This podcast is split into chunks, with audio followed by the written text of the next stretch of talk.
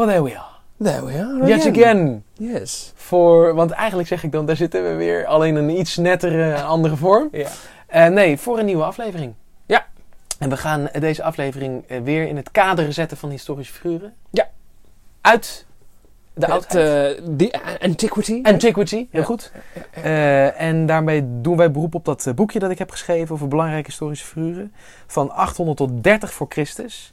Maar zover zijn we nog lang niet. nou ja, we zijn al eh, een stuk. eh, We zijn al een stukje. Ja, we, klopt. We hebben, al, we hebben al redelijk wat eh, passen gezet. Maar ja, net als bij heel veel geschiedenisboeken, hoe meer je komt naar het einde van het boek, hoe denser the people that are described are to each other. Dus ik Eh. bijvoorbeeld, eh, als we het hebben over de Romeinse Oh, geschiedenis, Ja, ja. je ziet dat, je zal, jullie zullen zo meteen zien dat er heel veel mensen in, bij wijze van spreken, 25 jaar worden besproken, eh, kort op elkaar. Ehm, wij eh, eindigden vorige keer met de, de Tyrannendoders. Ja. Weet je dat nog? Ja, hoe was heet ze ook alweer? Hoe heet ze ook weer? Zij heten Harmodius en Aristogiton. Aristogiton. En beide pleegden zijn aanslag op Hipparchus. Ah, ja. En dat was de broer van Hippias. ja. Niet te verwarren met de latere astronoom. Hipparchus, nee, heel goed. En Hipparchus en Hippias waren weer zonen van Pisistratos. Ja. Maar dat is allemaal achter de rug. Ja. Want wij gaan ons wenden tot Cleisthenes, als ik het goed zeg. En die heeft namelijk het een en ander hervormd. De tirannie uit Athene was verdreven. Door de tyrannendoders. Ja. Nou, toen raakte... Wa- wanneer, wanneer leven wij? Waar, wij, wij leven rondom, en dan moet ik even het jaartal exact... Oh ja, natuurlijk, pas makkelijk te onthouden. Rondom 510 voor Christus. Oh ja. Of misschien Eind 507 voor 95ste Christus. eeuw. eh Eind we noemden dat jaar 94, 94, 94. 94 in de Human Era. Dat is kalender. 507 voor Christus. Juist, heel goed, heel goed. Ehm, eh, daar, dat, dat, rondom die tijd leven wij dus. Eh, dat is het moment van spreken. Ja. En eh, we hebben het dus over de aristocraat, aristocraat. En die was ook, net als veel aristocraten, in strijd met zijn concurrentie, dus met andere aristocraten. En om zijn positie te versterken, probeerde hij het Atheense volk achter zich te krijgen. Nou, hij is in 570 voor Christus ongeveer geboren. En hij werd geboren in een van de rijkste families van heel Griekenland. De Alkmaoniden. Met AE. Alkmaeoniden. Weet jij hoe dat Mayo niet. Ja. De Alkmaeoniden. ja, ik denk mayo. Ja. Ik, De denk altijd, ik, da- ik, ik denk al gauw aan mayo. dat moet ik toegeven. Maar ik denk in dit geval, eh, ja. Ja. Ook dit keer Mayo. Nou, de eerder genoemde, de genoemde Megacles, weet je nog? Megacles, die zijn dochter eh, niet bevrucht Niet- kon worden. Niet kon, ja, precies. Door, ik meende dat was Pisistratos. Ja, precies. Nou, die beste Megacles, die behoorde ook volgens mij eh, tot die familie. En de later eh, in dit boek beschreven Pericles en Alcibiades, een van mijn bekendere namen, ja. Ja, die komen ook voort uit, eh, uit, eh, uit, uit die familie. Mhm. Uit die familielijn. Nou goed, de Alkmaioniden. Die waren breed vertegenwoordigd in de oppositiebeweging tegen het bewind van toen Hippias. Dus Cleisthenes heeft ook wel een beetje bijgedragen aan het ondermijnen van Hippias gezag. Maar goed, de Mhm. tyrannendoders hebben het echt geëindigd. Ehm Cleisthenes werd er in zijn opvoeding, tijdens zijn opvoeding moet ik zeggen, constant aan herinnerd dat hij een aristocraat was. En dat hij neer moest kijken op de arme, niet-aristocratische bevolking. En tijdens de jaren dat hij Eer je opgroeide... vinkjes. eh. Ja, eer je zeven vinken, inderdaad. En tijdens de jaren dat hij opgroeide tot een volwassen man, had Cleisthenes dan ook helemaal geen oog voor die niet-aristocratische bevolking. Hm. Verandering kwam toen die Pisistratos dus de tiran werd. Cleisthenes was toen 23 jaar oud en hij en zijn familie werden door Pisistratos uit Athene verbannen. En nadat Pisistratos zijn zoon Hippias was verdreven, kon de familie weer terugkeren en begon Cleisthenes zijn carrière als politicus. En in tegenstelling tot wat hem altijd was geleerd, zag Cleisthenes in dat een geleidelijke emancipatie van het gewone volk, zoals dat onder het bewind van de tirannen was gebeurd, voordelig kon zijn voor het versterken van zijn eigen politieke machtspositie. Hij dacht, die, die Pisistratos die deed dat, die kan ik natuurlijk ook gewoon doen. Maar was het een soort egoistic altruism? Ik denk het. Ja. Wel voor, eh, voor de bühne was hij eh, Ja. in, eh, in dienst van het volk, maar het was voornamelijk voor zijn eigen portefeuille. Zowel Mm. politiek als letterlijk. Ja, ja. Nou, zodoende trachtte Cleisthenes de Atheense demos, hè, het volk, achter zich te krijgen. ja. Om zo de politieke strijd te winnen van die andere aristocratische heren. Hij wist redelijk wat macht naar zich toe te trekken. En hij heeft wat politieke hervormingen doorgevoerd. die nog heel lang na zijn leven doorgevoerd zouden worden. Ehm, En die hervormingen die leidden ertoe dat het zwaartepunt veel meer bij het volk, bij de demos, kwam te Mhm. liggen. En het daadwerkelijke politieke beleid werd gevoerd door een jaarlijks gekozen Raad van 500. De Council of 500. Ah. Ik heb een beetje Lord of the Rings-achtige vibes altijd als ik dat hoor, of niet? nee, ik Komt denk dat- meer aan Amerikaanse Oh, ja. Zo, maar goed, Ja, oké, dat is waar. andere associaties. ja, dat is waar. Oké, nou de basis van deze... Want je hebt geen Council of 500. Nee, je, hebt de, je had de 5 elves. Nee, wat heb je nou? Excuus. Waar- Ik weet niet zo goed waar je het over hebt. Je hebt toch in Lord of the Rings waar Weilen Christopher Lee er een van vertolkte? Dus Ja, de Six Saruman. Sorcerers of zo. toch? Na de zeven Istari. De is de, Oké, de, ja, de tovenaars. Zeven to- je hebt ook zeven dwergenkoningen gehad en negen mensenkoningen en drie elfenkoningen. En, Oh, oké. ik weet niet, dus geen centrale eh, Nee, nee. globale macht of zo. Nee, oké, never mind. nee. Oké, sorry, dan laat ik dat helemaal zitten. Ik dacht misschien dat de Council of 500 klinkt. Oh, de Klinkt een Council beetje of fan- Elrond, denk fantasy-achtig. Op het moment dat ze gaan besluiten, gaan we die ring echt helemaal naar Mordor brengen en in die berg gooien. Dat hele segment van het boek heet de, de Council of Elrond. Oh, oké. Ja, daar heb je het misschien van. Oké, oké. Nou, wellicht inderdaad dat. Nou goed, Elrond, Elders, ja. die, die raad van 500, die bestond uit 10 groepen. Van eh 50... eh, Heel goed. En die groepen die heten Fulai. Fulai in het oud-Grieks. hoe schrijf je dat? F-U-L-A-I. Fu, fu, fu. Fulai. Fulai. Dankjewel voor de juiste Griekse Denk ik hoor, uitspraak. denk ik hoor. Ja. Eh, nou, die bestaande ieder weer inderdaad uit 50 Atheners. En om deze 10 groepen van 50 man samen te stellen, werden de verschillende lokale leefgemeenschappen waaruit Attica bestond. Want je had natuurlijk, de stadstaat Athene, maar je had natuurlijk wel. Wat wel is rijk- Attica? Attica is het, het, het deel van Griekenland, de, de tong waar Athene op ligt. En Athene was natuurlijk. De macht van Athene hield niet op bij de stadsgrenzen. Nee, dat nee, ging nog nee, verder. dat was eigenlijk over heel Attica, hadden zij een invloedssfeer. Ja, ja. En je ziet dus, dat is heel slim bedacht dit. Die Fulai bestaan er dus uit 50 Atheners. Nou, die 10 groepen van die 50 man, die werden dus weer eh, ehm, eh, samengesteld met verschillende mensen uit verschillende delen van dat Attica. Zodat je een beetje een, brede stem had. eh, ja, een, een volksvertegenwoordiging hebt. ja, ja, ja, exact. Echt de, de, de representatives van alle hoeken en gaten, zeg maar. Ja. Nou goed, Ehm Attica, eh, die bestond, even kijken, ja, die bestond uit zogeheten tritues. Dat waren 30 gebieden. Van deze 30 tritues waren er 10 binnenland, 10 waren kustgebied en 10 waren de stad. Uit elk van deze drie groepen, dus 3 keer 10, eh, werd één tritues gekozen. En deze drie tritues, dus eentje van de stad, eentje van de kustgebieden, of eentje van de kust en eentje van het land, vormden samen één fulai.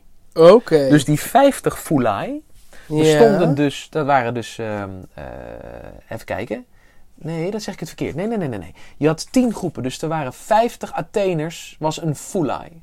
Fula, Dus je-. Of, Fulai. Fule. Fule zal dat Ja. wel geweest zijn. Dan wordt Ja. Fulai in meervoud. Exact. Dus je had dan, was dus één fule, ful- fule, ja, enkelvoud, bestond dus uit 50 Atheners, denk ik.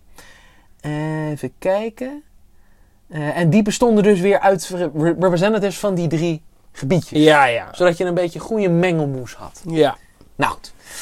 Eh, een beetje complex allemaal, een beetje saai denk ik. Dus we gaan snel door. Nou, in de loop van de vijfde eeuw, voor Christus, Oh ja. en werd de Atheense democratie nog democratischer en verzwakte de aristocratische machtspositie. En vanaf 487 voor Christus werden de argonten, waar we het eerder over hadden, ja. werden niet meer gekozen, maar gelood. Oh. Dat had natuurlijk als Ook als je niet wilde. Ook als je niet wilde. Jury je duty. moest. Ja. Maar dat had natuurlijk ook als gevolg dat het wat minder prestigieus was als je argont was. Want was gewoon, ja, je bent gewoon gelood. Everyone and their brother can be argont. Iedereen en zijn, en zijn brother, inderdaad, ja. Ehm, dus die werden ook wat minder invloedrijk, die Argonten. Ook de Areopagos, die uit, uiteindelijk alleen maar uit oud-Argonten bestond. Dus die waren Argont af. Ja. En die werd daardoor dus wat minder machtig. En in 4200 462 voor Christus raakte de Areo- Areopa- Areopagos zelfs haar rechtssprekende macht eh, grotendeels kwijt aan juryrechtbanken. Hm. Ook mochten Areopagos geen supervisie meer hebben op de directe de bestuurders van de polis. Dat kwam allemaal in de handen van de Council of 500, de Raad van 500. Nou goed, deze Raad van 500 werd ook wel genoemd de Boule. Heb je er wel eens van gehoord? Nee. Oh, jammer. Ik, dat is een heel bekend nee. iets. Nou goed. Ik kijk heel, heel hoopvol naar me, maar... Oké, nou, die, die, die bestond dus uit 500. Die 500 mannen werden dus Bouletai genoemd. Oké. Ja. En iedere Atheense burger, man, van 30 jaar en ouder, had het recht om één jaar en maximaal twee keer in je leven, in zijn leven, een bouleutai te zijn. En niet alle 500 uit de boule hielden zich echter bezig met het dagelijks bestuur. Eh, dit zou door het grote aantal alleen maar inefficiënt en traag, traag werken. Ja, als je 500 ja, mensen ja. moet afstemmen. Dus dat deden steeds 50 bouleutai op toerbeurt. Deden het dagelijks bestuur. En als jij toevallig eventjes als bouleutai het dagelijks bestuur mocht waarnemen, dan heet je een, een prutanijs. Oké. Dus een hele hoop termen dit, hè? Ja, ja, ja, ja. Ja, dat is vermoeiend, een beetje saai, maar wel erg belangrijk. Want ja, daardoor werd de Atheense democratie natuurlijk wel eh, vormgegeven. Mhm. dus daar- nou goed, die bouleutai die hadden verschillende taken. Zo voerden ze uit wat er op de volksvergaderingen werd besloten. Ze controleerden de financiële taken van de polis. Ze zagen toe op de scheepsbouw, op de bevoorrading van de Atheense handelsvloot. En daarnaast hield de boule zich bezig met het aanleggen en onderhouden van publieke gebouwen. Controleerden ze verschillende politieke beambten, hadden ze inspraak bij het organiseren van religieuze feesten. Een hele hoop taken. De voornaamste taak van de boule was echter het vaststellen van wat er werd behandeld tijdens de volksvergaderingen. Er waren omstreeks tien vergaderingen per jaar. En onderwerpen die verplicht behandeld moesten worden waren militaire zaken, graanvoorzieningen en het kiezen van magistraten. Daarnaast kon de boule echter zelf kiezen waarover gestemd mocht worden. Over alle onderwerpen tijdens. Eh, sorry, over alle onderwerpen stelde de boule van tevoren een specifiek voorstel op. Dit voorstel werd dan tijdens de volksvergadering voorgelezen en het volk kon dan vervolgens dit voorstel daarmee instemmen of het verwerpen. Hoewel het volk tijdens de volksvergadering dus officieel altijd het laatste woord had, kwam het er in de praktijk vaak op neer dat het voorstel van de boule alsnog werd aangenomen. Mhm. Nou, naast het feit dat de boule met haar voorstellen veel impact had op wat er door de volksvergadering uiteindelijk werd besloten, is het belangrijk om nog een tweetal aspecten van die Atheense democratie te behandelen. Het zijn van een bouleutai, waar we het net over hadden, dat was een, een zeker als je zo'n prutanijs was, dus als je echt het dagelijks bestuur tijdelijk deed, was een dagvullende bezigheid. Daar kreeg je geen of nauwelijks vergoeding voor. Oh. Dus je snapt het, alleen de allerrijkste mensen konden dat doen. Ja. Hè, dus je snapt dan ook, raken, rijke mensen uit goede families, die deden dat. Dus je begrijpt, dit had als gevolg dat zij eerder geneigd waren beslissingen te nemen die ook voor henzelf gunstig waren. Dus Mm. rijkere mensen hadden meer profijt ervan. Dan het arme, arme Atheense volk. Nou, dit uitzicht natuurlijk in voorstellen die zijn voorlazen op die volksvergaderingen, dat dat dan ook allemaal een beetje met name ten, ten goede van de rijken was. Mm. En als laatste is nog even goed om te weten dat de Atheense burgers in deze periode in een enorme vorm van afhankelijkheid leefden van andere Atheners. Dus je mocht misschien wel als vrije Atheense burger aanwezig zijn bij zo'n volksvergadering en je mocht instemmen of niet, je mocht zeggen wat je wilde. Ja. Maar ja, als jij in het dagelijks leven afhankelijk was, in dienst stond van een ander, je, werkt, je was bijvoorbeeld eh, Dan ga je niet dan ga je niet in het bijzijn van je baas iets, iets anders. eh, als die zegt ja, ik ga eens, dan ga je niet zeggen nee, ik ben niet mee eens. Je kon niet anoniem niet. stemmen. Je kon niet anoniem stemmen. Nee. Dus je haalt het, je dacht natuurlijk wel twee keer na voordat Het je was dat een deed. beetje een democratie van Likme-versie. Een lik met democratie. Ja, heel goed. Ja, klopt. En het ging inderdaad niet anoniem. Dus als jij een horige was, Oh, ja, ja, ja. ja. dan dacht je natuurlijk, stel je had op de een of andere manier dan toch eh, de, de credentials om dan daar aanwezig te zijn en mee te stemmen. Ja, dan dacht je natuurlijk wel twee keer na voordat je iets deed wat inging tegen de wens van jouw meester. Ja. Zeg maar. ja. Nou, zodoende kwam het erop neer dat eh, de Atheners met een dienstbaar beroep vaak stemden wat hun baas Verlangde. verlangde. Ja. Ja. Dus zo om best een was wit die, voetje om een wit voetje te halen. Zo best was die, was die eh, Atheense democratie niet. Nou, toch was de polis Athene op dit moment wel een van de weinige plekken ter wereld waar het gewone volk zoveel invloed had op de besluitvorming van de politieke machthebbers. Ja. Dus die hierbovenaf eh benoemde, aspe- eh, benoemde aspecten, die, ja, dat doet natuurlijk wel een beetje afbreuk eraan. Hè? Het is niet helemaal dat je denkt, zo zuiver Mhm. democratisch is het niet. Maar vergeleken, Maar met andere plekken in de wereld, maar ook in Griekenland, was het toch wel redelijk vooruitstrevend ja, wat ze hadden. Ja, ja. Goed. Ehm, verder weten we over Kleisthenes niet heel erg veel. We weten wel dat die, die voer, invoering die hij heeft gedaan hè, met die Foulai en de Raad van 500, dat, dat droeg wel bij aan de grote bloei die Athene later zou kennen. Maar, Oh, dus we hebben heel veel aan hem te danken, maar we weten niet zo heel veel van hem. We weten ook niet of die is doodgegaan. ik denk het wel. Ik denk het ook. Maar we weten niet wanneer die is doodgegaan. Nou, Die vijfde eeuw voor Christus, die we dus nu, nu langzaam inkruipen, dat wordt ook wel de gouden eeuw van Athene genoemd. Vijfde eeuw Ja, voor Christus. Ja, ja, Ja. ja. ja. Het was een tijd van optimisme. Dat kwam Dat gedeeltelijk is voort. even, sorry, dat, dat Ja. is dus vier zoveel voor Christus, hè, voor de mensen die eh, in de war raken. Heel goed. Ja. Ja. dat was tijdens een werkcollege bij mijn studie ook een eh heikel Een punt. heikelpunt. Maar ik eh, had het toen gelukkig bij het juiste punt. Namelijk de vijfde eeuw voor Christus is dus van 500 tot 400 voor Christus. Ja, dus alles met vier zoveel. Juist, eh, heel goed. de 96e eeuw, zullen we maar zeggen. De 96e eeuw in de Human Era, ja. Waarin je die problemen allemaal niet meer hebt bij de Human Era.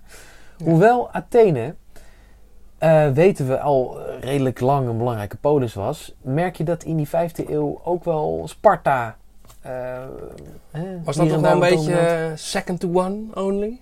Ja, het, het verschilt een beetje. Ze waren, eh, heel lang was Sparta heel erg dominant, maar met name op de Peloponnesos. En dan Ja, op. Attica was het Athene. Je ziet dat Sparta tijden heeft dat het nog sterker werd eh, ten opzichte ook van Athene. Je Het is een beetje een steeds stuivertje wisselen. Ja. En daar komen we later bij, want dan krijg je natuurlijk op een gegeven moment de Peloponnesische oorlogen. Nou, ja, ik Ja. dacht al een beetje, eh, is Ja. dat niet iets met 480 en Ja. zo? Ja, exact, exact. Nou, ietsje Of is later. dat de Persische De weer? 431 voor Christus. Oh, dat is inderdaad. Je hebt inderdaad ook nog de... 480? Ja, heel goed. 4 479 voor Christus een Persische oorlog. Oké. Klopt, Toch klopt. niet Heel helemaal uit de lucht. eh, Nee, nee, nee, je weet heel veel. Ehm, waarom weten wij veel van deze tijd? Dat heeft natuurlijk te danken aan geschiedschrijvers. Die Ja. hebben dingen opgeschreven. Eigenlijk waren dat de journalisten van toen, Ja. maar dat noemen wij nu geschiedschrijvers. Ja, ja. En er waren er twee die ook een beetje in het begin van die vijfde eeuw voor Christus leefden. Dus daarom misschien zijn het leuk om nu even de revue, de revue te laten passeren. De eerste daarvan is Herodotus. Herodotus. Ja, geboren in 5, of sorry, 485 voor Christus in Halicarnassus. Bodroem.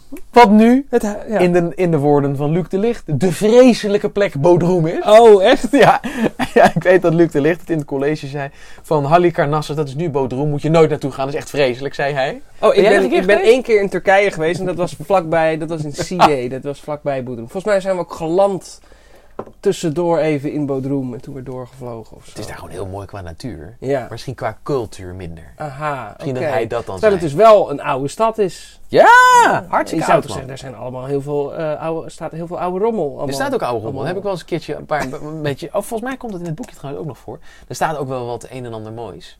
Ja. Maar allemaal wel ruïnes. En, die- en die naam, hè, dat heeft natuurlijk weer iets te maken met, met zout op de een of andere manier. Ja, ja. Maar dat dat, denk ik Carnassos deel, dat kan ik niet Nee, eh, dat kan ik ook niet duiden. niet. Nee. duiden. Maar ik ben ook niet Grieks geschoold, hè Jos? Jij nee, wel. Ja, nee, ja, ja. Ik, ik zou het eigenlijk moeten weten. Ja. ja, nou ja, dat is niet erg. Dat is je vergeven. Ehm, nou goed, hij is, hij is bekend. eh, Dus dat is trouwens weer Halicarnassus. Dat ligt dus op wat wij nu Turkije noemden. Ja. Maar goed, we hadden het al eerder genoemd. Die westkust van Turkije, Klein-Azië, zoals dat toen werd genoemd. Was natuurlijk ook allemaal eigenlijk hoort bij de Griekse wereld van toen. Ja. Herodotus is bekend voor zijn werk De Historiën. De historie. En dat schreef hij tussen ongeveer 450 en 425 voor Christus. En later kwam dat uit in een bundeling van negen boeken. En is verwerkt door taalgeleerden uit het Alexandrië in de derde eeuw voor Christus. Ja. Niet Alexandrië, hè? Nee, Alexandrië. Alexandrië, ja exact. Nou, het werk is een- eigenlijk een tussenweg tussen de memoires van een reiziger enerzijds en een objectieve geschiedschrijving anderzijds. ja. In de boeken worden verschil- verschillende gebeurtenissen beschreven. Zoals de Perzische oorlogen. We weten heel veel van die Perzische oorlogen met dank aan zijn werk.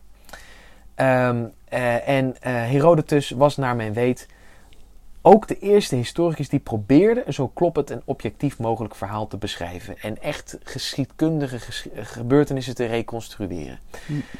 Ehm, maar hij maakte daarin ook wel eens wat foutjes. Dus hij, we moeten hem wel de credits geven van hij staat het boek als de vader van de geschiedschrijver. Ja. Geschiedschrijving, moet ik zeggen. Er waren voor hem ook wel mensen in het oude Mesopotamië die ook al wel verslag Ja, legden. er is altijd nog een. Mesopotamië. Er altijd nog wel een, een Akkadiër of een Sumeriër ergens in een, eh, in een luik op links te Me. Menes of Narmer of zo? Mhm. eh, of- of- nee, nee, nee.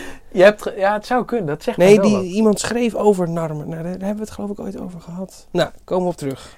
In ieder geval, de, ehm, ja, hij staat natuurlijk bek- bekend als de vader van de geschiedschrijving. Maar er zijn natuurlijk ander- inderdaad nog mensen die voor hem gaan. Maar hij heeft wel echt... Heeft hij het over Egypte ook veel gehad toevallig? Herodotus. Ja. Volgens mij wel. Ja, want dat, hij heeft zelf veel gereisd. Maar hij heeft ook veel... eh, daar kom ik zo op. Hij heeft ook veel reisverslagen van anderen. En, en één op één woord eh, uitleggen. Hè, waar mensen vertelden over reizigen die zij hebben zelf hebben gedaan. Erin verwerkt. Ja. Ehm, En, en daarin zie je dus ook dat het niet altijd even historisch allemaal klopt wat hij zegt. Hij, sommige van zijn beschrijvingen bevatten ook mythologische, legendarische elementen. Hij schrijft bijvoorbeeld over mensen met hondenkoppen en mieren die goud op konden graven. Mensengrote mieren die goud op konden graven. En hij was ook goed, hij was ook wel gevoelig voor een mythologische gebeurtenis of twee. Hij vond het Ja. wel leuk, een beetje, een beetje jeu natuurlijk, een Ja, beetje smeuig maken. Ik snap het ook wel. Eh, wonders en orakels, hij schuwde dat allemaal niet in zijn geschiedschrijving. Ehm, hij dacht bijvoorbeeld dat de Nijl buiten zijn oever gestrapt omdat de zon het water aanzoog en later weer uitspuwde. Wow, dat is wel een soort eerste idee van zwaartekracht. Eerste idee van zwaartekracht, eh, ja. Buiten de aarde. al. Precies, ja. Eh, alleen was het, eh, ja, nou goed, in ieder geval, Het is niet waar. het is niet waar. Maar zo gek maar zo stom is het niet. Om in de woorden De van maan Vincent- doet het wel eigenlijk. Ja, exact. Om in de woorden van Vincent Ike te spreken. Ehm, nou, tevens was Herodotus niet vies van het af en toe wat verzinnen van wat anekdotes. Hij beweerde dat de Skieten, of de Scythen, Ja, dat die mantels maakten van de afgerukte huid van hun vijanden. Oh, bah. Nou, de Schieten waren wel eh, redelijk bloeddorstig, maar zo bloeddorstig ook weer niet.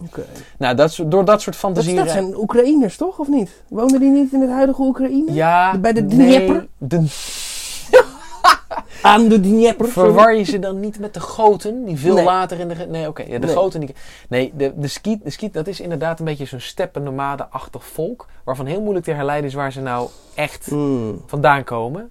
Net als de Turken van ons. Ja, ja, ja, ja, ja.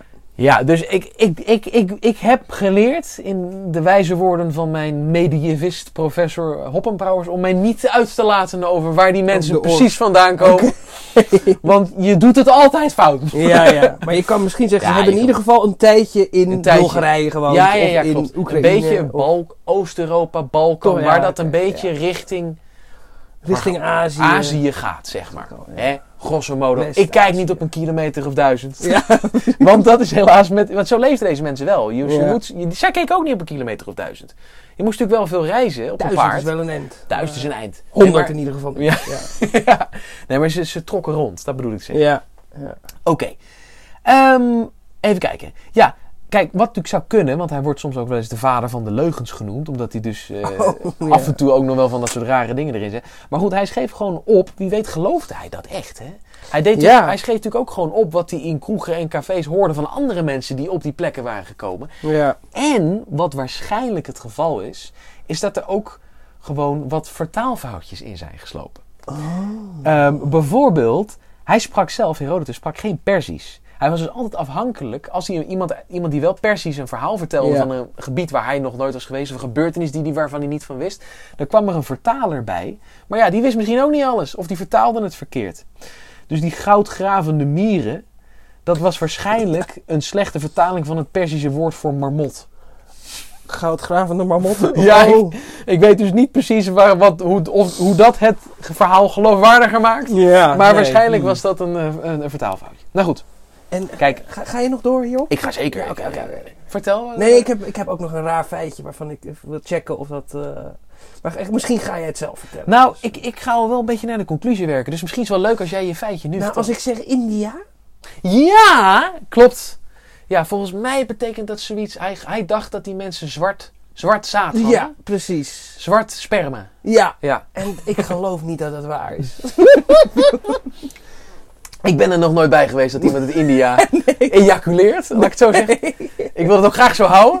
Maar, maar volgens mij, eh, laat ik zo zeggen, we hadden dan wel in een biologieboek dat wel ergens langs Denk ik ook wel, ja. Ja. ja. Een markant eh, verschil zou Ja. dat zijn. Ja, inderdaad. Ehm, even kijken, geval, nou ja, wat, wat kunnen we een beetje richting de conclusie?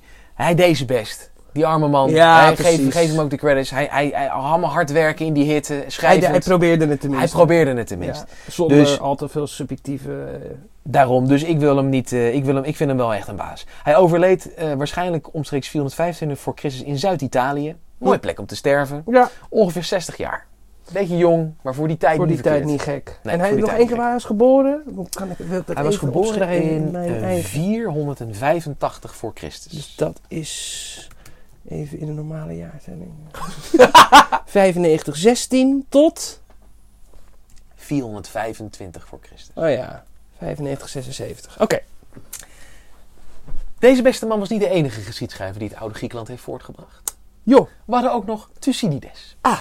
En Thucydides, die is wat meer van de historische accuraatheid. De riguur. De, ja, die, was, die was wat minder van het smeuïge en meer van de, de, de gorddroge waarheid. Juist, heerlijk. Ja, Kom maar. exact, kom maar door. Nou, hij was ook in, eh, in, hij was in Athene geboren. Sorry, niet ook, want de andere kwam uit Halicarnassus. Oh ja. Thucydides was een Athener. Geboren omstreeks 460 voor Christus. En vrijwel alles wat we van zijn leven weten... komt voort uit zijn eigen werk... Geschiedenis van de Peloponnesische oorlog. Hm. Zijn vader heette Olorus, of Olorus. En we weten dat Thucydides zelf een generaal is geweest in het Atheense leger. En dat hij een pestepidemie in Athene heeft overleefd... waar uiteindelijk Pericles, die ooit later de revue zal passeren... helaas aan is overleden. Oké, oh. In 424 voor Christus werd Thucydides als generaal richting het eiland Thassos gestuurd, in het noorden van de Egeïsche Zee. De Spartaanse generaal Brasidas die was daar in datzelfde jaar naartoe gegaan om de Atheense steunpunten daar in de buurt, eh, en dat is in de buurt van Amph- Amphipolis, die Rondom ze stad. daar te... Wat zeg je? Betekent rondom stad. Echt waar? Amfitheater is Oh, rondom theater. rondom stad. Ah, wat vet! Nou, in ieder geval, er waren wat steunpunten daar in die buurt. En dan die Brassidas die wilde dat eh, slechten of stuk maken. Ja. Nou, ehm, even kijken hoor. Thucydides die werd gestuurd om die, die Brassidas tegen te houden. Maar voordat Thucydides arriveerde had die Brassidas al flinks eh, huis gehouden... en was het al helemaal in Spartaanse handen terechtgekomen.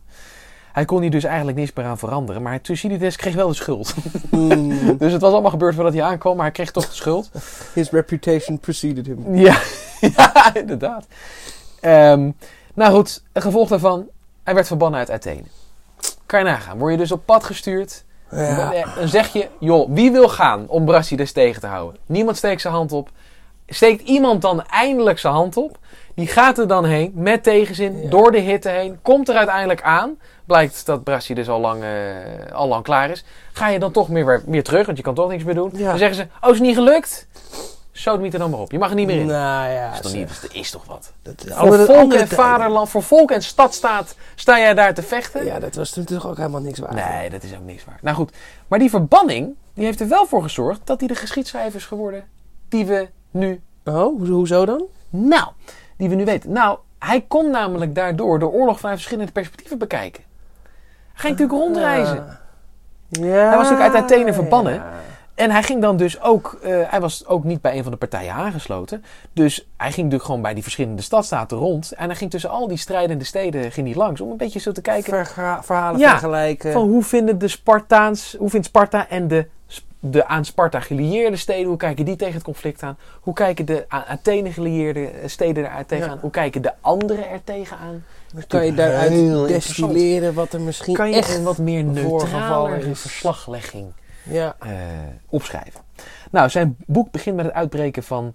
eh, officieel is het de Tweede Peloponnesische Oorlog, maar hij noemt het gewoon de Peloponnesische Oorlog. Dat is dus in 431 voor Christus. En zijn schrijven gaat door tot het jaar 411 voor Christus. het einde van de oorlog wordt daardoor niet geschreven. Eh, in, in 411 voor Christus was namelijk de oorlog nog niet helemaal afgelopen. Dus het, hij, hij eindigt met een open einde, helaas. Oké. Na zijn dood werd het werk over acht boeken verdeeld en kreeg het zijn huidige titel. En in zijn werk benaderde Thucydides een bijna puur wetenschappelijke manier van geschiedschrijving. Dus daar Herodotus in zijn verslagen nog ruimte overliet voor bemoeienis van de goden, mythologische dingen, wat smeuïge anekdotes, negeerde Thucydides dergelijke mythische elementen volledig. Wonderen van goden, dat speelde geen rol. Hij wilde de pure waarheid opschrijven. Kijk. Hij is man beroemd geworden. eigen hart. Ja, man naar jouw hart, hè? Ja. Hij is beroemd geworden als een echte eerste geschiedschrijver die ooit een, een duidelijk onderscheid maakte tussen een aanleiding en een oorzaak van Oh. een historische gebeurtenis. Ik weet nog bij inleiding van de historische wetenschap, dat was een boek, eh, een, een, boek en een vak dat ik moest volgen het eerste jaar, Ja. waarin wij heel erg dat erin gehamerd kregen, het verschil tussen een aanleiding en een oorzaak. En een aanleiding is meer de, de, de straw that broke the camel's back, zeg maar. Heel goed. En de oorzaak is gewoon een, een, ja, Ja, klopt. Vaak heb je dus dat een deel een aanleiding is de emmer die de, De, druppel die de emmer van oorzaken doet over. over. Juist. Juist. Ja. Dus de Eerste Wereldoorlog, de aanleiding is de shot, de, de assassination of Duke Ferdinand. Ferdinand en, maar er zijn heel veel oorzaken, namelijk opkomend nationalisme. Mhm. eh, eh, nou, ik, ik kan hier een heel eh, verhaal over halen, maar in ieder geval, er waren een heel erg een sloot aan oorzaken waar de Eerste Wereldoorlog uit voortkwam. Goed. Ehm Thucydides, zijn familie, die was wel erg rijk en machtig. Dus zijn familie had een groot landgoed in Thracië. Dat ligt een beetje tegen het Oh, noorden van. Griekenland aan. Ehm, en waar ook mogelijk ook goud bijna aanwezig was. Dus hij was dan weliswaar uit Athene verbannen, maar had wel een, een goed gevulde knapzak om mee op reis te gaan en zijn Ja, verhalen ja, te schrijven. Zo zie je maar weer, geld is toch helaas altijd wel goed voor de kunsten en de wetenschap en de geschiedschrijving.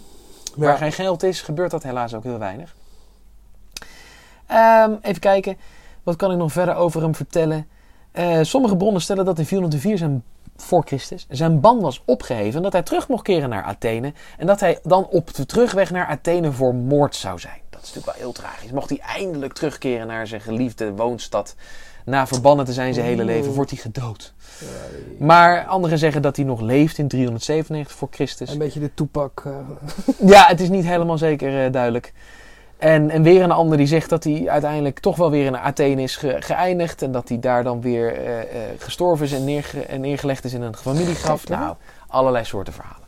dat is dus of allemaal verzonnen, Ja, of ja dat, ja, dat vind ik dan altijd maar weer raar. dat is het ook. Daar ben ik ook helemaal met je eens hoor. Zou mijn perfectionistische mind eh, heel slecht op gaan? Ja, snap ik ook hoor. Snap ik heel goed. hey, ehm, wij zitten op een half uurtje. Zal ik nog een paar, eh, paar leuke anek eh, zeker, anekdotes vertellen? zeker, zeker. Ik wil het namelijk hebben over een iets minder bekende Griek. Oh. Die ook rond deze tijd leefde. Die heette Zeuxis. En Zeuxis... Zeuxis. Ze- Ze- Zeuxis. Zeuxis. De. Ze. Ja. Zeuxis. Dat is bij mij dan weer erg ingehamerd. Het is een. Eh, in de eerste klas al, als je, als je Zeus zei, dan word je eruit gestuurd. Oh ja, want het is Zeus. Zeus. Ja. Ze. Zeus. Het is Ah, een zeta. En de EU is een ui. Als in eh, neutrino. Ja, dus het is Zeuxis. Zeuxis. Ze. Met een. Zeuxis, die was een kunstschilder. Dat is leuk. Kunstschilder in het oude Griekenland. Ja. Best Ah, zeldzaam. Ja, ja. En die is. Waar schilderde die dan op? Eh, daar kom ik zo. Op, ook, ook, In op, vier, ja, hij schilderde. Hij had wel ook een soort van eh, equivalent, een, een, een, een ezel aan van la lettre. En hij schilderde wel op doek. op doek dus. Ja, Ja, klopt. Maar hij schilderde. Ja, ik, ik, ik weet het. Misschien komt het zo aan bod hoor. Maar hij schilderde op verschillende plekken. hè. Ook eh, muurschilderingen en zo. Oké. Hij is omstreeks 464 voor Christus geboren. In de Griekse stad. In het zuiden van Italië. En die heette Heraclea Lucania. Of Lucania. Hebben ze een C in het Grieks? Nee. Nee. Heraclea Lucania. Ja, dat denk ik ja. Te gek. Nou, over zijn jongere jaren weten we, dus, weten we helaas niet heel erg veel.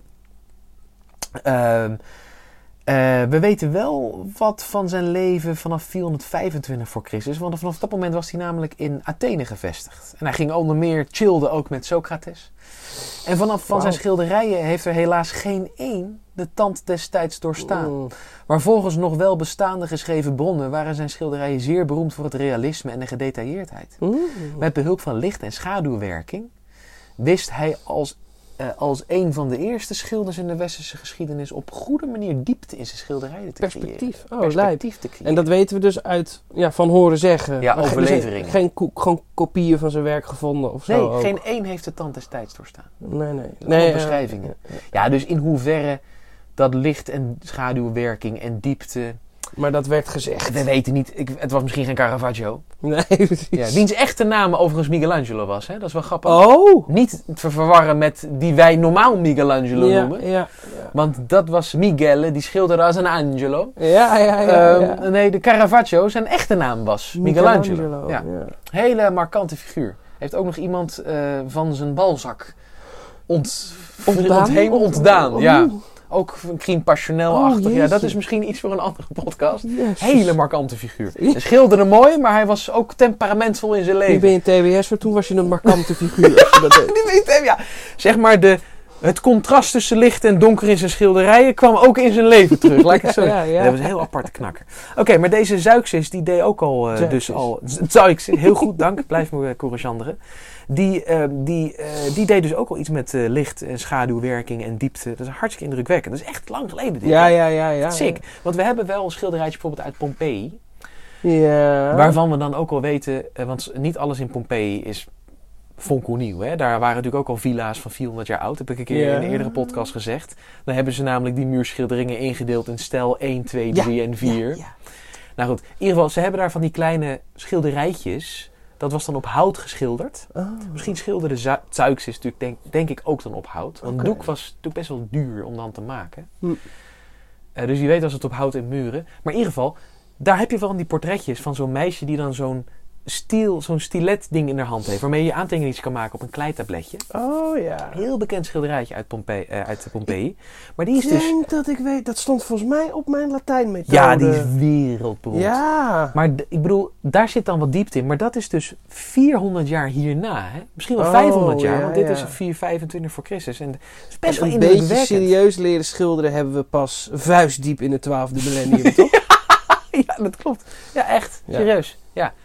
Dus het is echt Komt 2000 ook jaar om- later. omdat men in de middeleeuwen vond men de boodschap van de schilderij belangrijker symboliek. dan en de symboliek belangrijker dan de esthetische waarde. Hm. Dus het was niet helemaal vergaan in de middeleeuwen. Men kon echt wel hier en Men daar wat met kon diepte. het wel, maar, eh, Maar men vond het niet nam de moeite niet. Nam de moeite niet. Nee. Dus een groter figuur was gewoon een belangrijke figuur. Een beetje zoals in Egypte, Ja, het oude Egypte trouwens. En een kleine figuur was kleiner en die kon je precies naast elkaar staan. Dat ging veel meer. ja. Kunst was een middel, niet een doel op zich in de middeleeuwen. ja, ja. Maar dit was dus wel een realist. Ja, dit was, ja, dit was een reële- Dus ik ben echt, ik had dat heel graag willen zien. Wat hij Ja, dus ooit van het. En er is dus eigenlijk geen kans dat we dat ooit nog vinden. nee, nee, dat denk ik niet. Nee, want ja, tenzij er ergens een villa of een stukje eh, onder een rots dat we iets kan natuurlijk vinden. elk moment ook toevallig gebeuren, weet je. Dat ze gewoon een meter aan het graven zijn. Ja. en Pink. Een stukje buitenwijk. Ja. precies. Ja, inderdaad. Ja, dus ik hoop het. Ehm, even kijken. Eh nou, Zeuxis was de eerste ons bekende westerse schilder die stillevens ook schilderde. Dat was natuurlijk eigenlijk. Nou, Zonder mensen erin. Zonder mensen erin. Dus, Ja, een- ja, ja, zo'n- ja. dus wat, je, wat, je, wat wij in de Gouden Eeuw in Nederland zien met zo'n dood konijn en, En en, een- en een een half opgegeten appel en zo. Ja, ik vind dat nooit zo'n heel mooie schilderijen. Maar sommige mensen zweren erbij. Ehm, nou, even kijken, wat kunnen we nog meer zeggen? Hij was waarschijnlijk de eerste kunstenaar wiens schilderobject in het geval van sommige schilderijen bestond uit verschillende modellen. Zo gaat het verhaal dat Zeuxis niet de ideale vrouw kon vinden om naakt te schilderen. Hij ging natuurlijk wel eerst even heel veel bekijken. Hè?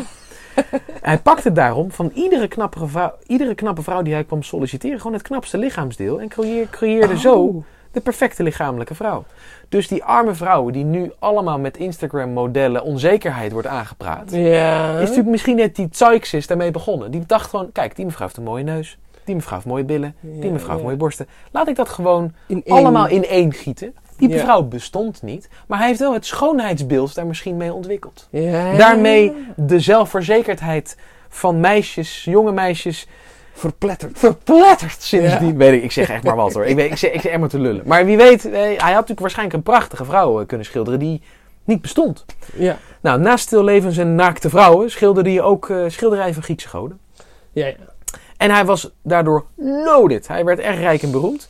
Zelfs door de Macedonische koning Archelaeus I werd hij gevraagd om zijn nieuwe paleis in Pella van mooie schilderijen te voorzien. Eh, hij deed ook mee in Athene aan een schilderwedstrijd. Zeuxis had samen met zijn grote rivaal-schilder Parai, para, Parasius. Parhassius. Dat was een- Parhassius. Parhassius. Nee, ik denk dat je dat parassi, want de ro, de Griekse ro, wat wij een beetje als R, dat is, eigenlijk moet je dat als, pantarij hadden we het laatst over, dat is Ja. eigenlijk ook het RH, Diarrei. gonorrei, dat is met RH. Dus Oké, ik denk dat het gewoon parassi is. Parasius, ja, precies. Oké. Nou, eh, ehm, die was, eh, eh, volgens mij had hij dat. Oh ja, hij had samen met die Parasius had hij dat dus die competitie georganiseerd om te bepalen wie nou de beste was. Plinius de oudere. Plinius de oudere. Dat is een bekende niet te verwarren met Plinius de, de jongere. jongere. Ja. Mhm. Volgens mij was het de jongere die de uitbarsting Van, ja, van, Pompeii. de Vesuvius. Van, van- ja, sorry, de uitbarsting bij Pompeii van de Vesuvius. eh, in het echt heeft gezien. Ja, live, eh, Live. verslag deed. Op een kussentje. Oh. Want hij was. Hij is uiteindelijk overleden aan het gebrek aan zuurstof in de lucht door de stofwolken Ja? van, van, Vesuvius. Hij had wel, eh, hij was gevlucht. Volgens mij was het de oudere, maar ik weet niet zeker. Maar hij, is, hij was gevlucht en had toen op een strandje verderop wilde die toch wel gadeslaan, want hij was oud. Hij was al heel oud. En de Mhm. stof in de, in de, in de, eh, in de lucht. En eh, was zo ontzettend dik, je kon niet goed ademen. Hij dacht, Oh. jongens, ik ga hier sowieso dood aan. Ik kan amper lopen. Ik kan Laat beter staan met, eh, met deze dichte eh, stof in de lucht. leg mij hier neer. Ja, leg mij hier neer op een lekker kussentje. Ik blijf Dan schrijven tot ik niet meer kan. Ja, nee, hij ging letterlijk eh, heel kort daarna dood. Momenten daarna. Ja, ja. Maar hij heeft dus daarin eh, de laatste op zijn sterfbed op het zand met een kussentje gekeken naar de uitbarstende Vesuvius. Ja, de wereld zien branden. De we- ja, inderdaad, de wereld zien branden.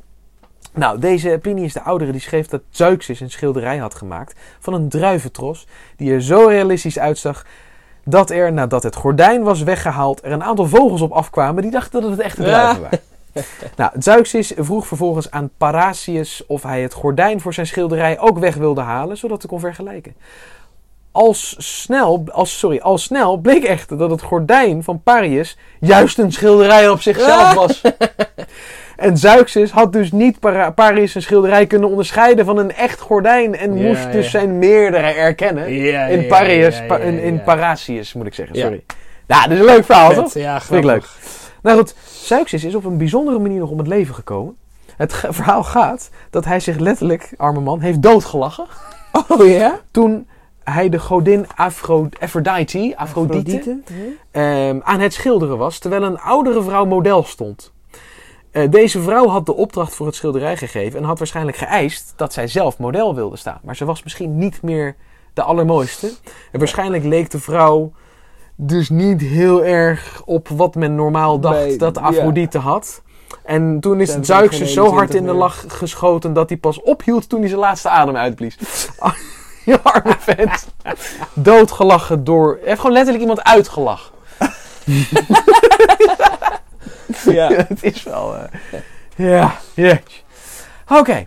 Heb jij nog energie voor een paar? ja hoor, Ja? ik wel. Want we hebben namelijk nog een aantal toneelschrijvers waar we aandacht aan kunnen besteden. als je wil. Ah, De Als je grote wil. drie? De grote drie. Heel goed. Weet jij ze? Oef, ja, ik weet zeker niet de volgorde meer, maar dat zijn in ieder geval Aeschylus, Euripides. Oh ja, je had het er net al. Ja, Sophocles. Heel Ja, nee, die was ik eerlijk gezegd even vergeten, maar inderdaad. je- ja, ja, ja. Sophocles, uitstekend. En in welke volgorde? Eerst Aeschylus, daarna Sophocles en daarna Euripides. Oké, oké. En de comedie of zo is... is Nou, dat is belangrijk om te melden, want deze beste drie mannen, dat waren de drie grootste tragedieschrijvers. tragedisch. Oké. Ja, de comedieschrijvers, die heb ik ook nog beschreven in mijn boekje. Die komen later. Dat is volgens mij namelijk Aristo, Arist, Aristophanes. Aristofa- Aristophanes. Aristophanes? Ja, Aristophanes. Ja, ik, met die kikkers of zo? heel goed, Jos. Klasse. Kijk, je klassieke scholing not gone to waste. Nee. Maar we houden het dan maar even bij de tragedieschrijvers. Ja, ik, vind- ik Eerst vind de al- ernstige al, zaken, eh, daarna ja, Ik vind het allemaal heel tragisch. Ja, inderdaad. Oké, nou goed, dat waren de drie grootste tragedieschrijvers. Aeschylus dus, Sophocles, Aeschylus. Aeschylus, dank u, Sophocles en Euripides. Nou, Euripides was de jongste van de drie. is wel leuk eh, om te melden. Hij is namelijk, ehm, eh, even kijken, de jongste van de drie. Ja, alle drie waren op een bepaalde manier verbonden met de slag bij Salamis in 480 voor Christus. Is dat iets met die Perzische oorlog? Heel goed, dat is in de Perzische oorlog.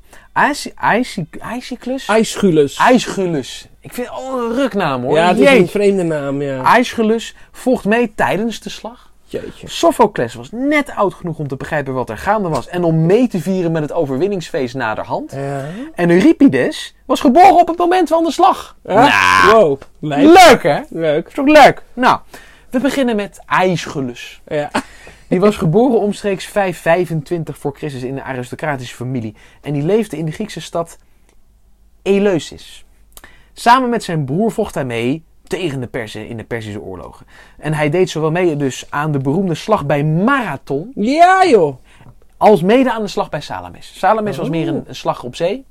Marathon was een slag op de kust, bij zee. Oké. Bekend natuurlijk van De marathon. de marathon, En namelijk... Feidipides, die in 9511, weet ik toevallig, Heel goed, eh, het stuk van 42 kilometer... eh, van de kust waar de marathonslag plaatsvond tot de, Nou, dat weet ik eigenlijk niet. Waar kwam hij aan? volgens mij de Acropolis. Joh! Volgens mij de Acropolis. En toen eh, ademde hij ook zijn zijn laatste Toen adem ademde uit, hij zijn laatste adem uit. Ja, hij stierf letterlijk na die inspanning van ongeveer 42 kilometer te hebben gerend. Ja, ja, ja. eh, om het goed nieuws te brengen. En 195 meter. En 195 meter, ja, klopt. Ja, ja, en het schijnt ook dat later historici helemaal hebben uitgerekend dat het dan weer niet helemaal klopt. Dat het ietsje langer nog was. Dat, de, en dat dus de, onze huidige marathonafstand niet helemaal klopt. Dat hij zelfs nog iets verder had gerend. Een paar honderd meter of zo. Oh, Nou, weet je? Twee stadien verder. Twee staan. exact. Eh, die staat ook, in mijn, staat ook in mijn boekje beschreven trouwens, die beste man. Maar we houden het nu even wel eh, bij, hè, we- even ter zake. Even bij de tragedieschrijvers. Nou, ehm, eh, beste IJsgelus, die deed dus ook mee aan de slag bij Salamis. En hij, hij, hij schreef daar zijn beroemde tragedie Perzen over. Hm. En die heeft hij in 472 voor Christus uitgebracht. Althans, die werd toen voor het eerst opgevoerd. Maar hij schreef het natuurlijk, maar dat wist natuurlijk wanneer werd het voor het eerst opgevoerd. Je hebt natuurlijk een toneelstuk, maar dat moet opgevoerd worden. Ja, ja, Hij zou in zijn leven ruim 70 tragedies hebben geschreven. Jeetje. En hij overleed op 70-jarige leeftijd. Huh? Voor elk jaar dat hij op aarde rondliep. Een tragedie. Was een tragedie waard. Ja, een tragedie waard, ja. Nou, Kan het, ik ook wel zeggen trouwens. het verhaal gaat dat een arend of een gier het kale hoofd va- van IJsgelus aanzag voor een schildpad.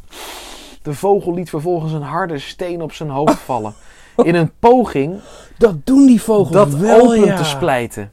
Oh, het resultaat was dat zijn schedel openbrak en dat Oh. hij dus doodging. Op Oh. 70-jarige leeftijd. Pijnlijk, man. Op Dit zijn, is ijsgelus. dit is ijsgelus. Dit is ijsgelus. En hij, op zijn, interessant genoeg stond op zijn graf, grafschrift alleen vermeld dat hij tegen de pers had gevochten. Niks over zijn 70 tragediestukken en zo. Oh. Het vechten tegen de persen vond hij blijkbaar het belangrijkste om te vermelden. Of zijn nageslacht. Oké.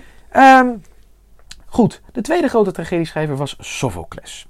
Die was omstreeks 496 voor Christus in Athene geboren en er werd al tijdens zijn eigen leven als een soort van opvolger van Aeschylus gezien. Sophocles' vader was in zijn leven tamelijk rijk als wapensmid. Geld verdiend met wapensmid. Zodoende kreeg Sophocles in zijn jongere jaren dan ook een dure en uitgebreide opleiding en opvoeding. En hij ontplooide zijn artistieke talenten en hij was ook nog eens heel sportief. En op 16-jarige leeftijd trad hij op bij een voorstelling tijdens het overwinningsfeest na die slag bij Salamis. Ja, ja. Waar dus Aeschylus aan had meegevochten. Nou, deze beste Sophocles die publicanderde, publiceerde tientallen tragedies. In totaal zou hij in zijn lange carrière ruim 100 treurspelen, vind ik een heel Zo, mooi. een lekker, treurspel. Een treurspel. Hij zou er echt ruim 100 hebben geschreven. Wow. En hij was heel geliefd bij zijn tijdgenoten. Hij schreef wel wat minder bombastisch en overdreven dan Aeschylus, zijn voorganger, en Euripides, een beetje zijn, zijn Naganger. naganger, zeg maar. Ehm, hij was redelijk realistisch en wat meer natuurgetrouw. Dus iets minder deu, deu, deux, De Ex ma- ex de ex machina-achtige Ja, taferelen. ja, ja, ja, iets meer natuurgetrouw, zeg maar. Iets minder wonderen van buitenaf. Ja. Maar goed, ik ken als een En is het nou ook zo dat eh, goed bij dit... eh, want 70 en 100 werken maken, die zijn vast niet allemaal even beroemd geworden. Nee, klopt. Maar ik heb wel eens begrepen dat het wel met meerdere genieën uit de geschiedenis, zoals Mozart en ja, Beethoven, dat die eigenlijk best wel een flink schot hagel hebben geschoten. ja, en dat er En een dat paar 90% kroonstukken- helemaal vergeten is en niet zo boeiend. Maar die 10% is gewoon, gewoon heel goed. Klopt. En dat vonden ze misschien zelf niet eens per se hun beste werken ook altijd. Exact. Eh, Ja, leuk is dat, hè? Dat Ja. zie je in heel veel dingen in de geschiedenis terug, trouwens. Zo Ja? ook met eh, het veroveren van de zilvervloot. Piet Hein, Piet Hein. dat was ook maar één van zijn Nou, veroveringen. Piet, Piet Hein, dat was dus een, een die werkte zo ontzettend hard ehm, om maar proberen een zeeslag op zee aan te gaan te winnen. Die was zijn hele leven, was, zette die in het teken van proberen een zeeslag op te zoeken en te winnen. En die was zo daarmee bezig. En niks lukte. Hij kreeg uiteindelijk wel een aantal zeeslagen, won die. Kwam die terug uiteindelijk naar echt, echt bloed, zweet en Ja. tranen. En, en, alle ellende. En het, en, het, en het eh, met zeegraf van zijn bemanning en alles. En niemand gaf eigenlijk een fluit toen hij terugkwam. Nee, En een- op een van zijn reizen eh, ging hij letterlijk de hoek om bij een baai. En Paul liep hij met zijn neus tegen de zilvervloot aan. Die die, Van wie? van de Spanjaarden die die kon veroveren. Want de Spanjaarden haalden dan zilver uit Zuid-Amerika naar Spanje toe. Argentinië Ja, en dat de- en, ja, heel goed. En ehm, eh, nou, dat weet ik niet zeker hoor. Dat zou, zou kunnen hoor. Ja, Argento Het is sowieso het. Spaans sprekende, dus het is niet Brazilië. Dus het zou inderdaad Ja. Argentinië kunnen zijn.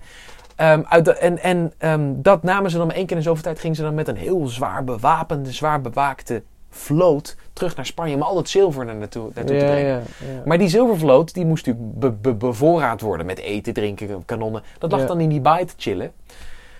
Piet Hein kwam daar langs met zijn eigen vlootje. Niets vermoedend. Niets vermoedend. Die, die ziet en denkt, hé, hey, hey, dat zijn heel veel Spaanse schepen. Want En die ja, rook... eh, en, en op een gegeven moment ging hij toch maar op die... En uiteindelijk, eh, ik, ik doe het nu niet helemaal recht aan. Maar hij veroverde dus vrij makkelijk. Want die zilvervloot die lag er helemaal niet zwaar bewapend. Want die lagen Ja. daar nog echt in, in bevoorraadmodus. En hij kwam daarmee dan ook thuis. En hij werd onthaald. eh Jap Jum werd voor hem geopend, weet je. Gouden rode lopers overal. En dat was dan... Dat was wel een doorn in zijn ogen. Dat iets wat hij zo Ah. makkelijk had gekregen, kreeg hij alle credits voor. En iets waar hij zo zijn best voor moest doen, kreeg hij niks en credits Nee, voor. Nou, dat dat, zie je dus met, dat zie je wel vaker terug. Even weer terug naar de oude Griekenland. Ja, Sophocles. Schoenmaker blijft bij je leven. Of sorry, eh, is het Euri- Euripides al? Nou, we waren nog eventjes inderdaad bij Sophocles. Heel goed. Ehm, hij was dus wat meer natuurgetrouw, wat meer realistisch dan Aeschylus en Euripides. En ook staat het individu wat meer centraal in Sophocles zijn werken dan in die van zijn eh, voor- en naganger. Veel meer zijn de personages in het verhaal zelf verantwoordelijk voor hun eigen keuzes en daden. Dat is natuurlijk wel interessant, Ja, wel ja. modern. Wat menselijker. Ja, want in die tijd, je was altijd onderhevig aan het spel van de ja, goden. Ja, precies. Maar hij beschreef juist dat, het, dat je meer in charge was van je eigen destiny. Althans in zijn treurspelen dan. Ja, ja, ja. Nou, hij overleed uiteindelijk op 90-jarige leeftijd. Zo. Niet verkeerd, hè? Indrukwekkend oeuvre van waarschijnlijk 120 werken. Ja, helaas wel. Zeven daarvan zijn er maar compleet bewaard gebleven. Wow. Wel meerdere zijn stukken van bewaard gebleven, maar echt in compleetheid maar zeven. Niet zoveel. Nou, hij had waarschijnlijk een vrij lang en gelukkig leven geleefd. Dus dat is, dat is best Nou, wel lang fijn. zeker. Dat is een golden Lang, oldie van- dat is een golden oldie. Oké, we moeten snel door. De laatste van de drie beroemde tragedieschrijvers was dus Euripides. En zoals ik hierboven al even benoemde, 480 voor Christus was hij dus geboren. En hij is ook op het eiland eh, Salamis geboren, dus waar die slag dus toen Oh ja. ook plaatsvond. Zijn moeder kwam uit een adellijke familie en hij had daardoor dus een goede opleiding kunnen krijgen. Voor jongs af aan besteedde hij tijd aan gymnastiek, schilderkunst en lezen. Hij werd door de Griekse natuurfilosoof Anaxag Anaxag Anaxagoras. Anaxagoras. Anaxagoras. Denk. Anaxagoras. Anaxagoras. Hij werd onderwezen door Anaxagoras. Uh-huh. Dus dat was een leerling van hem. Nou, na zijn jeugdjaren probeerde hij een gewoon familieleven te leiden. Hij heeft twee keer getrouwd geweest.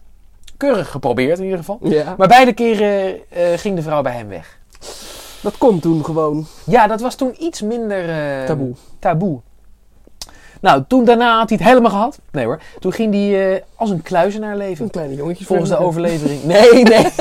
Jawel, het was een oude Griek. Die Ja, ja, ja, ja. Hij hield wel van. misschien was hij wel van de knapenliefde hier en daar. Ehm, maar wie weet waren die jongetjes wel volwassen. 16. Ja. Ja, ja. misschien, misschien voor die maatstaven toen volwassen, helaas. Even Dat is nu ook gewoon in Nederland eh, de age of consent hoor. 16. Echt? Ja, wat dacht je dan? Gaat verdamme. 18? Ja? Als je dan eh, allebei onder de 18 bent, dan zou het niet mogen. Dat is een beetje raar. Oh. Oké. Ik heb er nooit bezig mee hoeven houden. Oké, nou volgens de overlevering ging hij dus als een kluizenaar leven in een grot eh, op het eiland Salamis, waar hij geboren was. En hier bouwde hij voor zijn eigen, eh, voor zichzelf, voor zijn eigen, ik zet weer, dat Haags komt er toch even naar boven. Ik spijt. Hij bouwde een privébieb, een privébibliotheek met tientallen boeken. Dat was Oh, toen heel zeldzaam, toch lekker. Gewoon je eigen grot, Ja, ja. uitzicht op de baai van Salamis. Wat willen mensen nog meer? Man Nou- Library. Precies.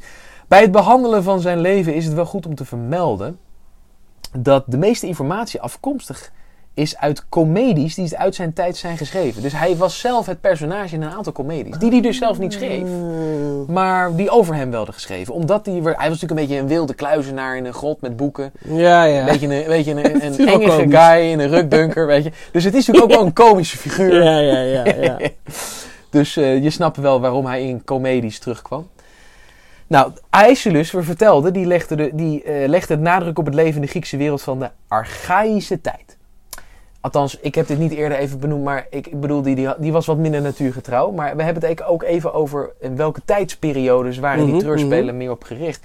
ja. Aeschylus die was op de archaïsche tijd. Scho- Sophocles die schreef meer over het leven in de overgangsfase van de archaïsche naar de klassieke tijd. Mhm. En Euripides die spitste zich volledig toe op het Griekenland van de klassieke tijd. Oké. Nou, Deze chronologische ontwikkeling die zette in feite ook voort in het oeuvre van Euripides zelf. Dus zijn werk Kinderen van Herakles uit 430 voor Christus is bijvoorbeeld vrij representatief voor het Atheense patriotisme wat toen heel erg leefde. Want dat was toen net begin van de Tweede Peloponnesische Oorlog. Men was heel erg trots op Athene, Athene. Dus dat, dat, je ziet dat, dat zijn werk ook heel erg van die tijd is. Of the era. Hè? Ja. Ehm, even kijken, terwijl zijn latere werk, Hecuba uit 424 voor Christus, redelijk kenmerkend is voor het toenmalige gevoel van ontgoocheling. Ontgoocheliging. Ontgoocheling. ja. Volgens mij is het ontgoocheling. toch? Ja, tuurlijk. Ja, precies. Dan heb ik het goed opgeschreven. Ik dacht even ontgoocheling. Nee, maar nee. dat is iets heel anders. Daar moeten we Hans Kazant voor inschakelen. Nee, hier hebben we het over ontgoocheling. Zinloosheid. Dus een beetje rond 424 voor Christus, een aantal jaar later, had men zoiets van waar doen we het eigenlijk voor die oorlog. En je ziet het dus ook terug in zijn werk. In zijn werk Hecuba. Of Hecuba, ik weet niet hoe ik het moet zeggen.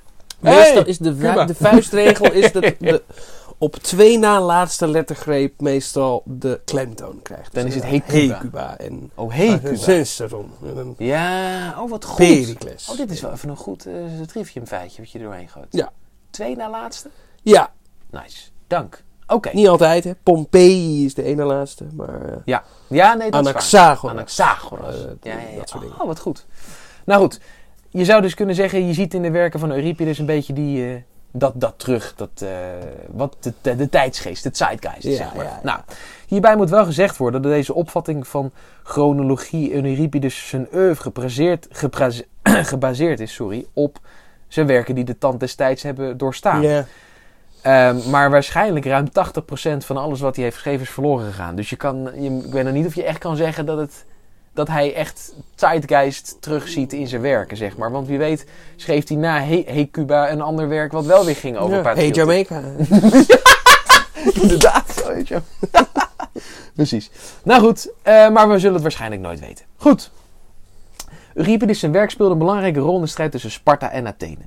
Plutarchus schreef namelijk dat na de dramatische nederlaag van een Siciliaanse expeditie een van Euripides' werken werd ver- eh, werken vertaald aan de Atheense vijanden was gegeven in ruil voor voedsel en drinken. Hm. Bovendien zou een Spartaanse generaal later Athene hebben gespaard van totale verwoesting, omdat hij niet een stad compleet wilde vernietigen die zulke bijzondere getalenteerde mannen als Euripides had voortgebracht. Mm. Deze informatie moeten we natuurlijk wel een beetje sceptisch eh, benaderen. Ja, ja, ja. Gezien het feit dat Plutarchus 500 jaar later leefde. Maar goed, dus we weten niet zeker of het allemaal even accuraat is. Nou, tijdens het leven van Aeschylus, Opho- Sophocles en Euripides was het schrijven van tragedies in feite een onophoudelijke publieke wedstrijd tussen tragedieschrijvers. Iedereen die meedeed probeerde een zo goed mogelijk toneelstuk te schrijven voor de eerstvolgende dramafestivals van dat jaar. Het beroemdste festival was Dionysia. Dit was een jaarlijks terugkerend festijn ter ere van de Griekse god Dionysus. Ja. Dionysos, zeg ik dat goed? Dionysos? Dionysos volgens Ja. mij. Nou, deze Dionysa, Dio- Dionysia eh, kende enerzijds een landelijke eh, variant die altijd werd gehouden in de maanden december of januari. En anderzijds een stedelijke variant die in april of maart in Athene werd gehouden. De stedelijke Dionysia die duurde zes dagen en dat was een groot feest in Athene. Naast het uitvoeren van allerlei ceremonies en eten- en drinkfeesten, optochten, offerandes, werd er tijdens de Dionysia ook dus veel dramavoorstellingen opgevoerd. Hm. Al de toneelstukken die het afgelopen jaar door de tragedie- en comedieschrijvers waren geschreven, werden dan opgevoerd. Dus je ziet dan eigenlijk een beetje een soort van filmfestival, hè? wat je nu nog steeds hebt. Ja. Dat alle films van die tijd, Ja, ja. filmfestival van Genève of zo, volgens mij hebben ze dat wel. Eens. dat alle je. nieuwe films worden dan op, die dan die maanden of jaren daarvoor zijn gemaakt, worden dan getoond. Een beetje zie je hier ook. En tegelijkertijd een, een beetje een baganaal ook. Ja, wat is Bacchanal ook alweer? Nou ja, Bacchus is dus een flauw. Oh, Bacchus van de... Ja, ja, ik snap Het is hetzelfde als Dionysus. Ja, exact, exact. Eh, nou, die werden dan opgevoerd en aan het einde werd er een winnaar gekozen. In 455 voor Christus deed Euripides voor het eerst mee aan de wedstrijd. Voor het schrijven van een zo goed mogelijke tragedie voor de Dionysia van dat jaar. Ehm, ondanks dat wij Euripides tegenwoordig kennen als een hele bekwame en getalenteerde tragedieschrijver, won hij pas eigenlijk in 441 voor Christus voor het eerst. Dus er waren elk al die jaren daarvoor anderen die eh, er met de winst vandoor gingen. En van de in waarschijnlijk totaal 90 werken die Euripides in zijn leven heeft geschreven, waren er maar vijf waarschijnlijk beloond met zo'n prijs. Dus Ja. er was waarschijnlijk ook heel veel ander goeds wat werd geschreven, wat, waar we niets van ja, weten. of dat was gewoon niet zo goed. Of was niet zo goed, ja. Nee, want dat is dus opvallend dat Euripides, die stond dus te boek als, eh, die, die, die was een geweldige schrijver, maar hij won maar vijf keer. Ja. Terwijl Aeschylus 13 keer die prijs had gewonnen. En Sophocles 20 keer. Ja, ja. Ja, misschien- ja goed, je bent natuurlijk ook, ligt eraan hoe, hoe heftig je concurrentie Ja, is. Hè? precies. Ja, ja. Dus je weet dat Euripides ook gewoon meer concurrentie. ja. Ook iets later in de tijd, na Aeschylus, na Sophocles. Dus je kan ook leren van je voorgangers. ja. Je schrijft misschien ook betere tre- treurspelen, omdat je van de fouten leert van, Van anderen. Aeschylus en zoveel Ja, precies. Nou goed. Eh, ook wat, wat, wat historici wel denken, wat misschien een, een, een verklaring is, dat hij niet zo vaak won. Hij had namelijk een redelijk moderne manier van schrijven. Ehm, en laten we ook zijn, het was natuurlijk al, überhaupt al wel bijzonder dat je die prijs won. Eh, dus ook vijf keer is niet zoveel misschien, maar vijf keer winnen is alsnog vrij indrukwekkend. Ja, ik bedoel, als je vijf Oscars wint nu, dan ben je wel bekend, ben je een bekende acteur. Exact, exact, precies. Ehm, even kijken. Wat kunnen we nog vertellen? Interessant om nog te melden is dat festivals en feesten zoals die Dionysia niet alleen maar simpel ter vermaak waren. Het was ook een zeer belangrijke diplomatieke en politieke rol toebedeeld. Door indrukwekkende festiviteiten te organiseren en te financieren, zoals eh, tijdens die Dionysia, konden aristocraten veel aanzien en prestige verwerven. Je kon natuurlijk zeggen, hé hey jongens, vanavond feestje bij mij. Dan kan je even je villa openzetten. Ja. Hè? Want het, het was een week van feest, of langer zelfs. En dan kan je natuurlijk kan je even je eh, huisfeestje... Bij hu- huisfeestje. en dan de after, after. bij Euripides. Bij Euripides in, in zijn grot. Ja. En dus ja, dat- je kan natuurlijk wel eventjes showen van wat je hebt. Hè? Ja. Nou, dit hielp de aristocraten in de machtsstrijd met hun politieke tegenstanders natuurlijk. Festivals als de Dionysia waren daarnaast een middel van stadsbestuurders om het volk directer te betrekken bij hun stadstaat. Door op dergelijke festiviteiten de rijkdom, de grootsheid en machtige posities van de stad openlijk te etaleren, werden de inwoners trots op hun stad. Dit patriotisme was op zijn beurt natuurlijk weer goed voor eh, oorlogvoering, moraal, eh, alles. Trots zijn op Athene zijn. Eh, dan ga je als, als soldaat dapperder strijden. Nou goed. Aeschylus en Sophocles waren beide tijdens hun leven erg geliefde tragedieschrijvers. Eh, uit, dat blijkt wel uit die, die, die, die prijzen. Euripides was ook wel geliefd, maar misschien hier en daar ietsje minder door zijn tijdgenoot. Hij werd met name na zijn dood, eh, of in ieder geval in zijn latere levensjaren, heel erg, eh, eh, heel erg ge- ge- geliefd. Niet gehoond. Bewier, nee, ge- geroemd. Bewierookt. Bewierookt. Ja, exact. Ehm, hij was waarschijnlijk met, zijn met die moderne manier van schrijven waar ik het al over had, een beetje zijn tijd vooruit. De mensen die na Euripides waren geboren, begonnen zijn werken steeds meer te waarderen. Dus mis- misschien was, het, was hij te vroeg geboren, ook zou kunnen. Ehm, eh, terwijl Aeschylus en Sophocles hun werken, die na hun dood gingen redelijk snel, werden die vergeten. Hm. Dus eh, Euripides zijn werken, die waren nog generaties lang populair. Maar Ja. Aeschylus en Sophocles, eh, die werden snel vergeten. Nou goed. Dan als laatste, Euripides, ehm, even kijken, is op 74-jarige leeftijd overleden in 406 voor Christus. De laatste jaren van zijn leven bracht hij door aan het hof van de Macedonische koning Archelaïus I. Tot zover eigenlijk, denk ik, De 96ste eeuw. de, ja, nou in ieder geval de, de, de, de personages die ik nu een beetje de revue wilde laten passeren. Ik kan misschien nog heel klein als, als een soort van toetje zeggen ehm, dat... Misschien ben je wel bekend met het Dionysos Theater op de Acropolis. Waar heel veel van deze treur- en tragediespelen werden opgevoerd. Ja, ja. Die is gebouwd in de 16e eeuw voor Christus. Daar werden dus veel van die tragedies uitgevoerd. En naarmate de jaren vorderden, werden de dramavoorstellingen tijdens die Dionysia, de Dionysia eh, waar ik het eerder over had, die werden steeds populairder, trok, trok het steeds meer publiek. Dus moest ook dat theater steeds meer worden uitgebreid. Ja. Ehm, door het gebrek aan ruimte heeft de Areopagos toen op een gegeven moment besloten dat de voorstellingen gehouden moesten worden in een heiligdom dat, eh, van de god Dionysius aan de voet van de Acropolis. En vandaag de dag ziet u nog steeds dit, de steden, stenen tribunes van het heiligdom staan. Eh, In de tijd van Euripides waren dat waarschijnlijk houten, ehm, was alles van hout. Ja. Maar nu is dat allemaal van steen. Je kan daar dus heen. Vet. Dus waar Euripides zijn stukken werden opgevoerd en waar men Die worden daar misschien nog steeds wel opgevoerd. ja, dat, het zal me niet verbazen dat er nu misschien nog wat dingen... Ik heb bijvoorbeeld in Verona in Noord-Italië... Ja. Een, Een, een, een, ook, een- dat is een colosseum-achtig iets. Heb ik ook een... een, een amfitheater. ja, daar heb ik een... eh, hoe heet dat? Ehm, opera gezien. Oh. En zonder microfoons, want dat komt Ja, dat is vet. Hè? Ze hadden op de een of andere manier die akoestiek helemaal door. Dus Fantastisch. je kan fluisteren onderaan en je kan het om een of andere duistere reden kan je het, kan je het overal horen. Echt geweldig. Echt bizar. Ja. Ik heb het ook wel eens uitgeprobeerd in die dingen. Dat is echt, eh, echt Ik, heb, gaaf. ik kan het als je wil, kan ik je laten zien. Ik heb een video daarvan. Eh, Wel Ah. met een gebrekkige camera, want het was in 12.007 of zo. Dus het is al lang geleden. Maar het is echt indrukwekkend hoe dat eh, zonder mics gewoon te horen is. Die akoestiek, jongen. Ja, die, die Grieken en die Romanen, die, eh, goed in, eh, in het snotje. Ja, ja, vooral. Ja, vet Ja. hoor. Ja. Hey. Is dat een, toevalstreffer geweest? Dat, of hebben ze er echt... eh, Ja, ik denk gewoon door trial and error. Ja, dat is Gewoon heel veel ja, doen. Ja, ja. En dat bestaat alleen als je een samenleving hebt die waardeert om dat soort dingen te kijken.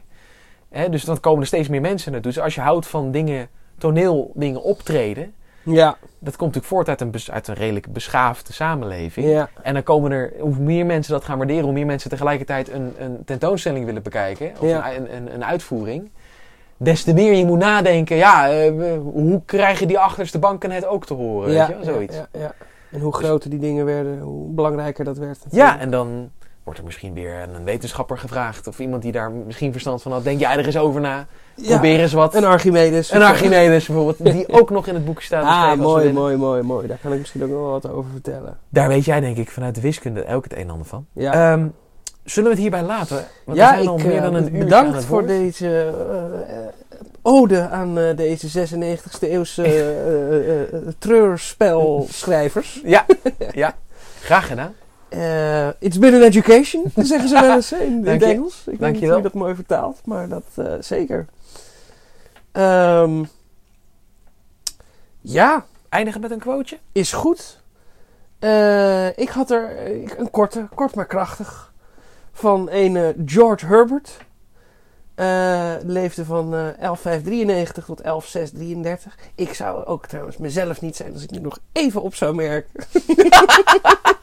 dat ik het me toch. Dat ik het toch vreemd vind dat het woord Christus zo vaak valt in zo'n bespreking. Ja, ja, ja, ja, ja. ja, en ja, geen één keer de revue eigenlijk passeert. En hoe, eh, hoe ongepast en misplaatst dat eigenlijk dan misschien wel is. Hè? Ik snap het. Ik snap het. Ja, ja, want Jezus is nog in de verste verte. En het duurt nog heel Nee. lang voordat Jezus komt. En toch Hierin. is hij de mate der dingen hier Ja. lijkt. Ja, Ja. ja, ja, klopt. Maar goed, daarover zijn al meerdere afleveringen opgenomen. En komen er misschien nog wel. Stay tuned. Ja, inderdaad, inderdaad. Ehm, voor nu eh, eindigen we even met George Herbert. Die zei... The night is the mother of councils.